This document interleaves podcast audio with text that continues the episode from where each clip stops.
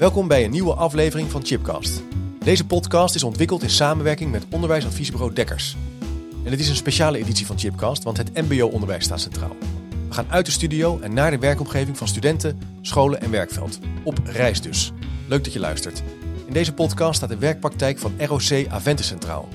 Aventus is een ROC in de stedenriehoek Apeldoorn, Deventer, Zutphen. Een behoorlijk grote regio dus, waar veel ondernemingen en instellingen te vinden zijn met wie ze samenwerken. En Aventus heeft een nieuwe onderwijsvisie geformuleerd, waarin ze de verbinding met het werkveld centraal stellen. Zo hebben ze het over levende leereenheden. Hoe stimuleer en organiseer je het leren en onderwijs op zo'n manier dat het werkveld daarin nauw betrokken is? En wat vraagt dat van docenten, van het werkveld en studenten? Nou ja, in ieder geval denk ik een portie lef en energie, want het gaat niet vanzelf. Je zou kunnen zeggen dat dit echt een veranderbeweging is. En ook al is Aventus heel sterk in die verbinding met het werkveld, ze willen eigenlijk nog meer inzetten op die ja, organische vorm van leren en die werkomgeving centraal stellen. En de vraag is dan, waar loop je tegenaan? Wat gaat goed? Wat kan je beter doen? En hoe kan je deze beweging als het ware kracht bijzetten? En deze podcast is daar een klein bescheiden onderdeel van, om als het ware die successen en vraagstellingen in het licht te zetten. En ik ga in deze podcast praten met Hans Visser, teammanager bij ROC Aventus en verantwoordelijk voor alle opleidingen binnen metaal, elektro, installatie en procestechniek. En hij heeft in de portefeuille opleidingsinnovatie. En ik praat met Fokker de Gans. Hij is projectmanager sector techniek en mobiel. Op het eind kom ik nog even terug met een aantal reflecties. Veel luisterplezier. Fokker de Gans, Hans Visser, hartelijk welkom in de podcast, online en op afstand. Leuk dat jullie even tijd willen nemen. Hoi. Hi. Uh, ik zie bij Fokko allerlei spannende uh, bouwtekeningen op de achter, achtergrond staan. Dat zegt ook wel iets over je achtergrond. Misschien kan je kort zeggen uh, wie je bent en wat je doet? Ja, ik uh, ben Fokker de Gans. Ik ben verbonden aan Aventus uh, en sinds dit jaar projectmanager voor onder andere de levende opdrachten voor New Tech Park. Ja. En dat is mijn achtergrond. Heel goed, leuk. En Hans, bij jou zie ik ja, ook wel iets van een soort werkomgeving achter jou. Nou, nou ja, ik zit in een van de lokalen op een van onze vestigingen. Maar nou, ik ben teammanager van de metaal elektro-installatie en procestechniek. En als uh, heb in mijn portefeuille onder andere opleidingsinnovatie en uh, opleidingsverandering. Dus ja. binnen Aventus. Kijk, interessant. Dan heb ik de goede mensen te pakken. Want ik wilde heel graag met in gesprek gaan over dat idee van levende leereenheden. En de vernieuwing en de verbinding met het werkveld. Mm -hmm. uh, het was voor mij een concept wat, wat als woord nieuw is. Maar als ik er meer over lees. Ik heb op jullie website van Aventus natuurlijk ook wat dingen bekeken. Dan herken ik heel veel als het gaat over de verbinding met het werkveld. Opdrachten die actueel zijn, die gaan over vernieuwing. Hans, zou jij er iets over kunnen zeggen, die levende leereenheden? Wat bedoelen we daarmee? Nou, wij hebben, eigenlijk moet je een onderscheid maken in twee verschillende soorten levende eenheden. Je hebt levensechte projecten. Dat zijn eigenlijk projecten waarmee je met het regionale bedrijfsleven gaat overleggen. Goh, wat zouden studenten nou echt moeten leren? En dan ga je er een project van maken. En het kunnen ook opdrachten zijn die vanuit het bedrijfsleven komen, die bij een ROC neergelegd worden. Dat kunnen challenges zijn waar die bij een ROC gezamenlijk met een hogeschool neergelegd worden. Dat kan heel veel zijn. Maar we hebben dus twee soorten die allebei binnen die categorie levende projecten of levende opdrachten vallen. Maar het ene is dus een project wat echt de organisatie bij het ROC ligt. En de andere ligt eigenlijk het eigenaarschap echt bij de bedrijven. Ja. En beide willen we gebruik van maken. Ja, interessant. En uh, Fokke, hoe ben jij daarmee uh, in aanraking gekomen? Uh, nou, uh, eigenlijk door, door Hans. Uh, die, uh, Hans is heel erg druk met allerlei zaken. En daar had hij eigenlijk een hulpje bij nodig. Ja, en hij had zijn ogen laten vallen op mij. En hij vertrouwt ook, hij heeft deze klus, zegt hij ook van, ja, Fokko, dat, dat kan jij. En doe dat dan maar. ik heb er alle vertrouwen in. Nou, en dat is de ruimte die ik heb gekregen. En als ik dan nu 20 weken terugkijk, dan denk ik van, ah, gaaf. Ja. Gaaf voor het vertrouwen, maar ook gaaf om te doen. Uh, gaaf om te doen voor de student ook. Ja. Waarom is het voor een student of voor studenten belangrijk om op deze manier naar onderwijs te kijken? Um, dat is een interessante vraag, Chip.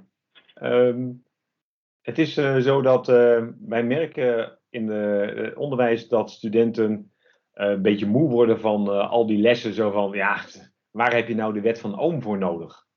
Uh, en hier hebben ze eigenlijk een, een probleem, krijgen ze voorgeschoteld. Of een uitdaging, zo van, nou, deze ruimte hebben we. zorg maar inderdaad, hoe ga je hem inrichten? en die wet van Ohm, die komt zometeen vanzelf. Want als het dan gaat om eh, weerstand en spanning en de fatale spanning, dan wordt het opeens interessant om dan de achterliggende gedachte te krijgen. Maar het is vooral even het leren. Zo van anders gaan leren, anders uitgedaagd gaan worden. Eigenlijk draai je daarmee uh, een en ander om. Je zegt eigenlijk het vraagstuk, het probleem, de challenge staat centraal. En op basis daarvan ga je als docent, expert kennis aanreiken, informatie aanreiken. Hans, is dat een, is dat, klopt dat? Zo'n zo ja, beweging ja, die je aan het maken bent als ROC? Ja, eigenlijk gaan we vanuit van je hebt een praktisch vraagstuk en learning by doing. Ja. En dat een student uh, op dat moment ook de theorie beter uh, tot zich neemt, omdat hij het op dat moment echt nodig heeft, heeft en direct kan toepassen. Ja. Ja en, en dat is denk ik ook, uh, je, je gaat ook niet autorijden, leer je ook niet door alleen maar theorieboekjes te lezen. Nee, daar hoort heel duidelijk die component van die praktijk ook bij. En, en, en, een werkelijke situatie, en dat proberen we hier ook te doen. Je hebt een werkelijk probleem, of een project. En als je voor dat project bepaalde leereenheden nodig hebt, om bijvoorbeeld je moet een huis inrichten en je moet een verlichtingsplan maken, dan heb je een, een pakket als E-plan, moet je bevatten. Op dat moment beklijft het bij studenten heel goed op mensen dat huis aan het, zelf aan het ontwerpen zijn. Ja. Maar, maar op het moment dat je E-plan gewoon als losse les aan, aanreikt, is het maar de vraag of die, wanneer hij het over een jaar gaat toepassen, of hij het dan nog wel paraat heeft. Nou, dat proberen we dus te doen. Theorie is eigenlijk uh, verbonden aan die praktische oefening. En dat is wat we willen. Interessant, je draait dus in, in die zin heel praktisch, concrete vraagstukken, echt aan het werk, werkend leren. Zou je een voorbeeld kunnen geven van een project waar, waarvan jullie zeggen, ja, dat is, dat, daar zijn we best wel in aan het, uh, succesvol in? Nou, we, we, op dit moment pakken we heel erg. Uh, we, we, zitten natuurlijk in de stedendriehoek, in de cleantech-regio. Dus we, we, koppelen ook heel erg bij wat speelt er op dit moment in deze regio, cleantech-regio. Welke actuele vraagstukken spelen er in de topsectoren, topsector techniek in dit geval. Ja. En we hebben, een smart environment, smart building, smart uh, circulair, ik noem maar. Nou, daar koppelen we aan en daar zoeken we projecten in. En als je dan over circulariteit hebt, de provincie heeft bijvoorbeeld gezegd, we zien een enorme afvalberg aan elektrische apparatuur. Ja. En dat, dat constateren ze. Hoe zouden we dat terug kunnen dringen? Nou, die vraag hebben ze neergelegd bij, bij uh, Saxion Hogeschool en bij e-waste. Die hebben daar een, uh, ja, een, een projectplan voor gemaakt. En eigenlijk gaat, komt erop neer van, goh, we zien een hele hoop elektrische apparatuur die misschien met een kleine aanpassing of met een, uh, ja, wat nieuwe onderdelen de levensduur van elektrische apparatuur verlengd kan worden. Of, nou, dat zou door MBO-studenten heel goed getest kunnen worden, gemonteerd kunnen worden, gedemonteerd kunnen worden. Er kunnen plannen gemaakt worden. Er kan bijvoorbeeld gekeken worden van, goh, dat type wasmachine zien we dat heel vaak dat onderdeel kapot gaat. Nou, maar dat onderdeel kunnen we misschien wel zelf maken. Goh, wat heb je daarvoor nodig? Ja, een 3D-printer. Nou, dan is 3D-printer, de theorie over 3D-printen, is ineens heel tastbaar geworden. Want je gaat producten uh, maken die de levensduur van die apparaten uh, verlengt. En als we daarmee inderdaad 10% van die enorme afvalberg uh, kunnen verminderen, dan dragen we bij aan het welbevinden hier in de regio. We dragen bij aan de doelstellingen die de provincie heeft. We dragen bij aan de doelstellingen die de Cleantech-regio heeft. De studenten leren heel veel over verduurzaming. Nou, dat is weer een keuzedeel binnen het opleidingsprogramma. Wat ze zich op deze manier eigen maken, zonder dat ze droge theorie door, door hoeven te lopen. Heel, heel boeiend. Wat ik me nog wel kan voorstellen, wat een, wat een uitdaging kan zijn voor een school. Het lijkt mij wat meer flexibilisering of ja, wendbaarheid van de, van de schoolorganisatie zelf vragen. Want je zou kunnen zeggen, ja, het is ook wel fijn als je gewoon in een jaar weet, nou, ik ga dan mijn les A geven, dan mijn les B, dan mijn les C. En nu moet je in één keer veel meer verbinding hebben met de werkpraktijk, met die student, uh, ik, ik, ja, ik denk dat jouw jouw conclusie helemaal terecht is. Het vraagt heel veel van de organisatie in flexibiliteit. Maar daar heeft Avens ook heel duidelijk de keuze in gemaakt. De keuze gaat om de kwaliteit, minder dan om de structuur. Dus we, we willen kwalitatief de beste zijn. We willen kwalitatief het goed onderwijs geven. We willen de student geven waar de student behoefte aan heeft ja, dan heeft dat ook tot consequentie dat je misschien iets flexibeler moet zijn, iets minder vast moet houden aan regels, iets minder vast moet houden aan roosters. En dat zie je ook bij Nieuwtech Park, hè, daar zijn we bijvoorbeeld bezig. En dan zeggen studenten, kunnen we in het weekend niet door? Ja, ja dat past helemaal niet binnen een schoolorganisatie, maar wel binnen. Ja. Maar, maar, het is natuurlijk een geweldig resultaat als je kijkt naar motivatie van studenten. Leuk. Fokko, uh, is uh, Aventus klaar voor zo'n, voor zo'n transitie? Zeg je, of, ja, het lijkt me ook ingewikkeld. Het is een grote beweging die je aan het maken bent. Nou, de, op dit moment hebben we de ruimte. ja? maar dat is inderdaad uh, cynisch met, met corona. Ja. Oh, zo bedoel je, ja, precies. Ja. ja. ik denk, als ik de berichten gisteren goed beluisterd heb van collega's. Wij hadden namelijk een, een scholing over het onder, nieuwe onderwijsmodel. dan zeggen sommigen van, nou, laten we maar beginnen. Kan dat morgen al? Of een, een docent elektrotechniek, god, dat had ik tien jaar geleden moeten weten. Ja, dus, ja precies. Dus ja, ik denk dat er mensen staan te springen. Ook je hebt altijd koplopers, hè? Dus mensen die gewoon zeggen, dit wil ik, dit, dit past bij wat ik wil doen. Ook, ook omdat een aantal docenten nu gewoon hun lesje A en hun lesje B staan te draaien. En merken dat ze dat, nou ja, eigenlijk voor de, voor de, voor de banken staan te doen. Hmm. En, niet, en niet voor de interesse. Terwijl die interesse er wel is, maar not in time. Nou, kijk, de kwaliteit het centraal. En de kwaliteit is dat je een student de regie geeft over zijn eigen opleiding. Dus een student moet kunnen kiezen. Kijk, ik kan me heel goed voorstellen als een student zegt: goh, dat e-waste project wat ik net zeg, dat vind ik interessant. En, maar uh, die wet van Ohm, ja, daar hoef ik geen lessen voor te volgen. Die leer ik wel via een of ander uh, filmpje wat van YouTube. Dan hebben we altijd nog wel een expertteam nodig die to moet toetsen van is dat een goed filmpje. Hè, uh, ik, ik lees zelfs die tutorial wel. En ik kan het mijn eigen maken. Terwijl een andere student zegt, ja, maar ik heb behoefte aan uh, workshops, aan lessen. Ja. Nou, die route, dus we geven die student in principe de regie over zijn eigen leerroute. En de docenten zeggen van, goh, maar uh, E-plan bijvoorbeeld komt in uh, wel tien sectoren binnen Aventus voor. Kunnen we daar niet als expertteam een hele goede lesreeks van maken? Een hele goede themareeks van maken?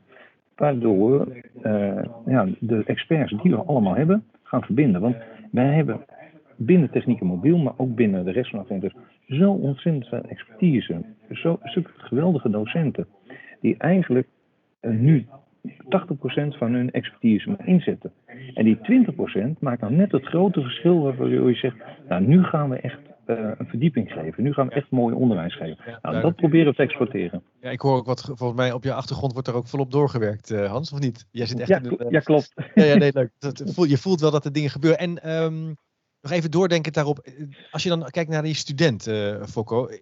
Um, er wordt wel eens kritisch, nage, er wordt wel eens kritisch ehm, gekeken naar die student. Kan hij dat wel? Kan hij wel zijn eigen leerroute vormgeven? Is hij wel Weet je wel wat je moet vragen bijvoorbeeld? Soms weet als je niet weet wat je niet weet, kan je ook. Dus hoe ga je daarmee om? En je vertelde ook iets in de voorbereiding over het 4CID-model. Dus zie je, hoe, hoe, hoe kijken jullie daarnaar, onderwijskundig gezien? Nou, ik, ik kijk dan vooral. Kijk, Hans is vooral. die kijkt vooruit naar de volgende onderwijsperiode. Ja. Als ik ga kijken naar de afgelopen thema bouwen, was daar één projectleider, student, die uh, gewoon de, de bouwcommissie uit het bedrijfsleven gewoon op zijn nummer gezet heeft. Zo van, hallo, wie is er nou leidend? Uh, ik maak een, een, een, tekening en jullie doen maar gewoon je, eigen je, je, eigen ding. Ja. Dus ik denk dat het daar al een stukje bewustwording is van de leiding nemen en het durven te doen. Ja. Want ja, ik heb een taak, die neem ik serieus. Nou, dat is natuurlijk wel belangrijk in een levende opdracht. Uh, en ik neem mijn verantwoordelijkheid en ik spreek jullie daarop aan. Ja. En dat is uh, denk ik het, het succes van deze casus. en ik hoop ook dat dat bewustwording ook steeds meer gaat plaatsvinden in het leerproces van de studenten. Ja, ik, ik wil wel aanvullen. Ik denk dat, het, dat je studenten dat niet zomaar kunnen daar is wel degelijk de begeleiding en de coaching van, van de, de docenten, van het begeleidingsteam, cruciaal in. Kijk, weet je, dan, kijk wij, wij, uh, we hebben de metafoor van een Febo-wand, waarbij een student gewoon kiest van een, een, thema en onder het thema kiest hij een project. En dat vind je heel interessant. Maar dan is het wel belangrijk dat iemand tegen hem zegt van, goh, wat stel jij je voor bij dat project? Wat verwacht je ervan? Ja, uh, ja ik verwacht uh, dat ik heel veel kan ontwerpen en tekenen. Nou, dan kan iemand zeggen van, joh, binnen dit project komt het nauwelijks aan de orde. Dan zou ik dat project kiezen bijvoorbeeld. En dat hij daarin begeleid wordt. Dat hij ook na, tijdens een project en gedurende het project begeleid wordt van, goh, doet dit aan je verwachtingen? Had je iets meer? En En ook constateren als iemand binnen het project steeds weer voor dezelfde rol kiest. Hij wil steeds projectleider zijn. Hij wil steeds de projecten leiden. En daar is hij heel goed in. En misschien moet hij dan werkvoorbereider worden. Dat we hem daar ook in zijn loopbaan begeleiden. Van, joh, jij moet de kant van werkvoorbereider op. Als iemand altijd wil ontwerpen, misschien moet hij bouwkundig tekenaar worden. Dus eigenlijk zou je, zeg je eigenlijk hierbij ook dat het ontwerpen en het nadenken over je leerroute in nauwe afstemming met je docent of je praktijkbegeleider daarmee veel crucialer begint te worden. Dus dat, die afstemming, want ja, die fabelwand, ja, heel veel dingen zijn lekker misschien. Hè? Je wil misschien wel een hamburger trekken of een kaasvlees. Zeg, nee, dat moet je, moet je eens over nadenken. Je moet het uitstippelen en je moet daarop reflecteren, zodat je ook een, nou ja, succesvol kan zijn in, in het vak leren, in het ambacht leren, waar je voor aan de lat staat. De, de, het is meer niet alleen de leerroute. Die leerroute, die tijd dat je op het ROC zit, is een onderdeel van je loopbaan. En dat bouw je op door middel van een portfolio. En ik, uh, het voorbeeld van uh, die student die middenkader engineering doet, maar wel in een project om een ziekenhuis te ontwerpen meegedraaid heeft, moet dat ook weer gebruiken in zijn portfolio. Ja. Als hij dan gaat solliciteren, is hij niet alleen maar middenkader engineering. Nee, ik heb ook daar ervaringen op gedaan, daar ervaringen op gedaan. Dat is dat portfolio. Mooi. Hey, Fokker, wat, wat vraagt dit nou van, van docenten en van de professionals van Aventus? Welke bekwaamheden uh, moeten wij als ROC, ja wij even samen, beter kunnen ontwikkelen of meer inzetten? Uh, dat het uh, niet alleen maar een vakdiploma is, maar dat communicatie daarover ook heel erg belangrijk is. En ja. op het moment dat de communicatie wegvalt of gebrekkig is, dan zie je dat er geen afspraken gemaakt kunnen worden en dan heb je ook geen afstemming van je onderwijs. Nee. En daarnaast is het zo dat ik denk dat een student, als hij dan een bepaalde vraag heeft, eh, stel dat hij bijvoorbeeld in, eh, eh, in, in het project ik moet zoveel lux hebben aan licht.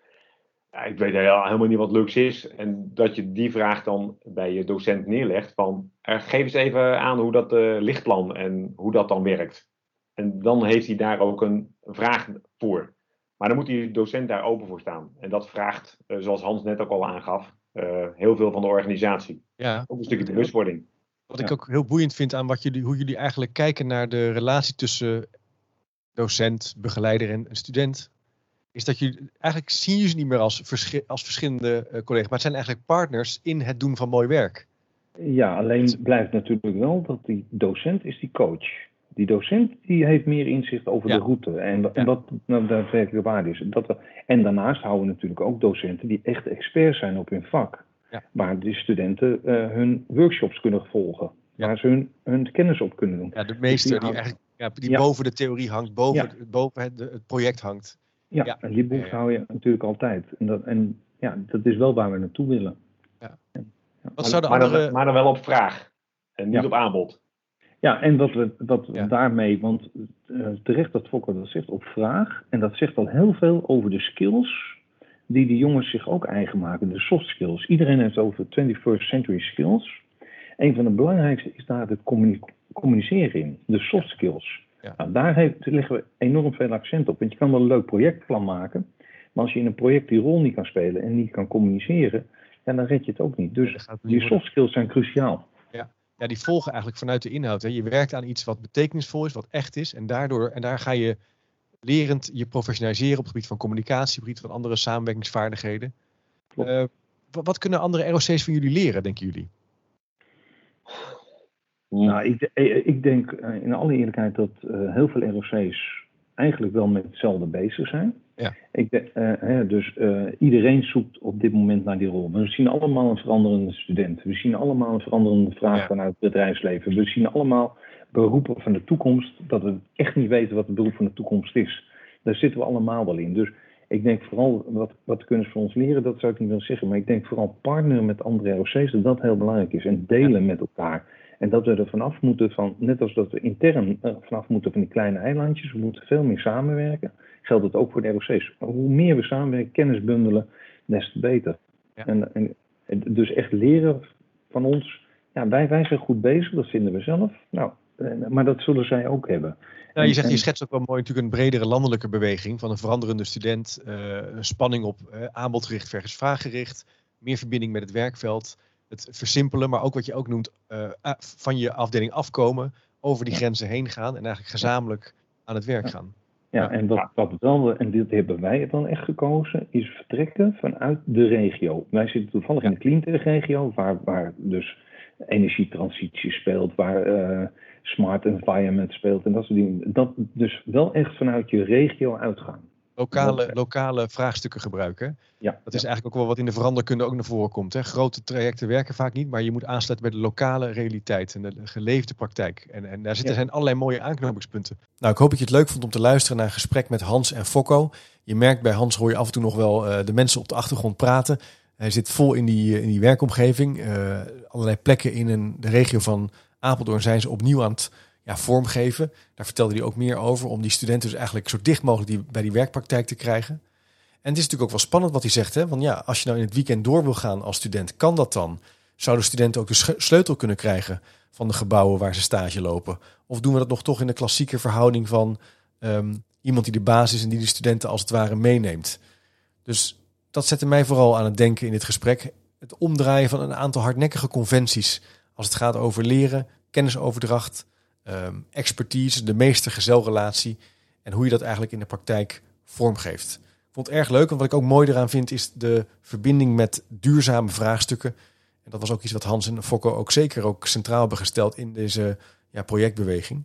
Um, als je nou vragen hebt hierover of je denkt van hé, hey, dat klopt iets niet of ik heb nog wel een, een spanning of een dilemma waar ik, waar ik nou niet helemaal uitkom, vind ik het ontzettend leuk als je het even laat weten. Dat kan je doen via chipcast.nl slash vraag. Daar kan je je vraag intypen of even uh, inspreken. Dan krijg ik hem gewoon per mail binnen. Maar je kan me ook een mailtje sturen via chip. En dan ga ik er graag mee aan de slag. We komen nog eens terug bij Aventus, want we gaan nog een keer met een groepje collega's praten over deze beweging van levende leereenheden. Uh, maar dat doen we ook onder andere bij het Da Vinci College in Dordrecht. En wat dacht je van het Alberda College in Rotterdam? En er zijn wel andere ROC's waar we naartoe willen. Dus wie weet uh, zit je er wat te luisteren en denk je... hé, hey, ik wil hier iets mee. Nou, laat je horen. Stuur me een mailtje of een berichtje. Wie weet kom je ook een keer in de uitzending. Lijkt me hartstikke leuk. Tot de volgende keer maar weer.